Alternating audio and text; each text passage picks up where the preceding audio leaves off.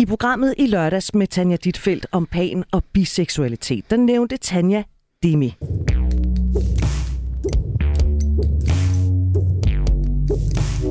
Og Daisy, jeg havde skrevet Demi på mit papir, fordi jeg lige synes, vi skulle nå at tale om, hvad Demi er. Fordi jeg, jeg ved det for eksempel ikke. Men øh, tiden den løb simpelthen for stærkt, så kan vi ikke tage den nu her, jo. i Vi har lyst til mere? Det synes jeg, vi skal. Så øh, altså, demi, det bruger man i forskellige sammenhænge. Man kan for eksempel tale om at være demiseksuelt. Og det betyder, at man er en person, som først oplever seksuel tiltrækning, når man har fået en følelsesmæssig forbindelse til personen. Og det sjove ved det begreb er jo, at jeg har mødt en del mennesker gennem tiden, der egentlig beskriver det sådan, de virker.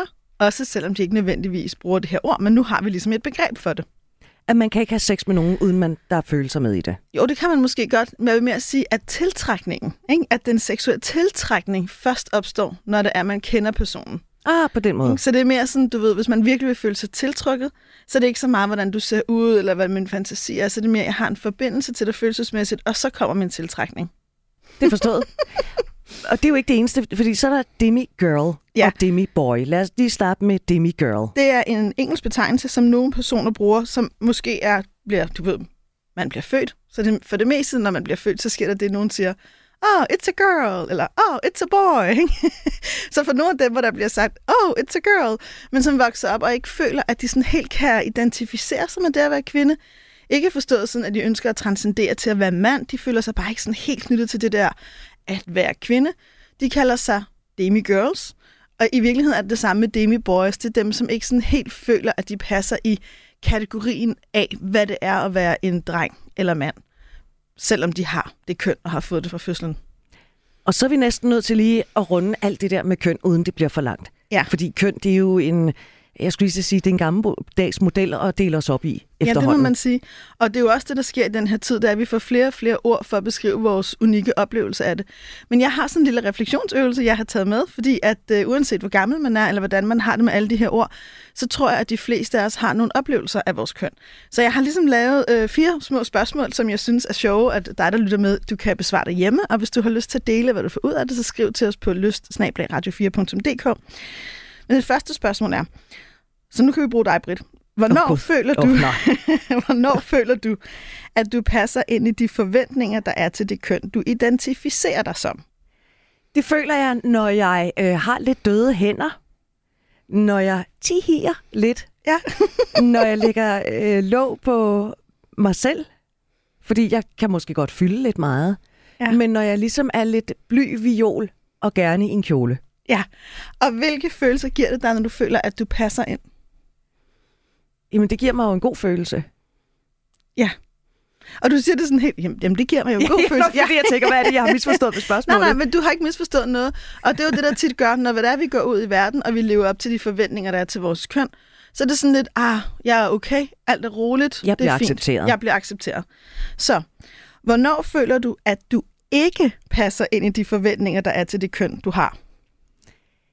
Ja, der, øh, det er for eksempel, når jeg larmer lidt for meget. Når jeg fylder for meget.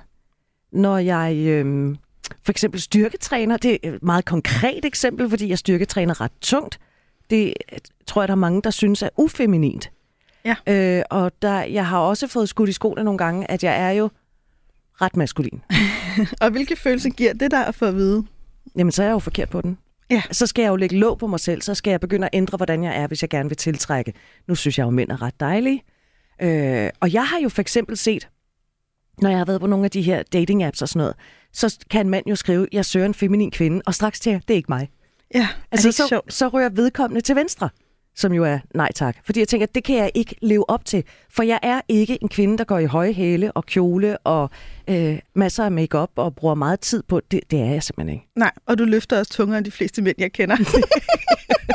Men det er jo, og øvelsen her gør os jo bevidst om, hvor vi, fordi jeg tror, alle mennesker har oplevelser af både at passe ind og ikke passe ind. Men det, jeg jo i virkeligheden synes, man kunne bruge sådan en øvelse til, det er, for jeg bliver, når jeg sådan, som privatmenneske, bare som mig, og egentlig også som fagperson, lytter til det, så tænker jeg, fylder for meget?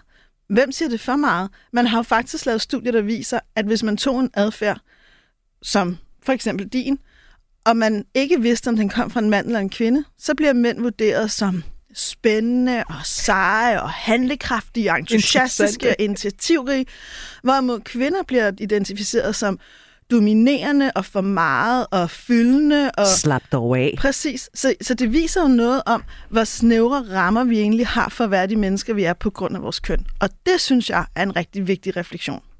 Det synes jeg bestemt også.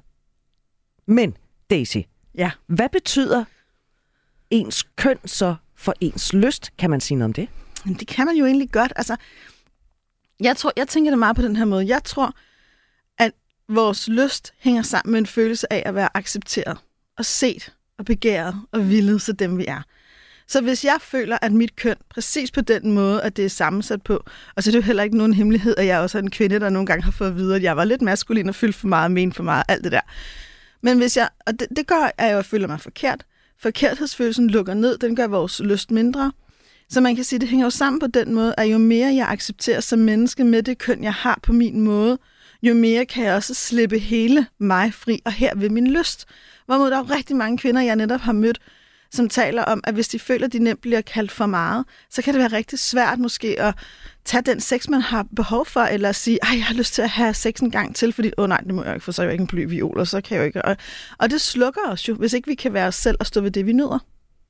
Måske vi i virkeligheden bare skal lade være med at fortælle hinanden, hvad der hele tiden er galt med os. Jeg synes jeg kunne være en virkelig, virkelig dejlig ting. Så det skal vi bare beslutte. Vi lader være, og øh, hvis du også lader være derude, og helt seriøst, jeg mener det, prøv at reflektere over de her spørgsmål, jeg har stillet, og prøv en gang også, når du får den dom op i dit eget hoved på andre, og stop dig selv. Og hvis det gør en forskel, så skriv til os.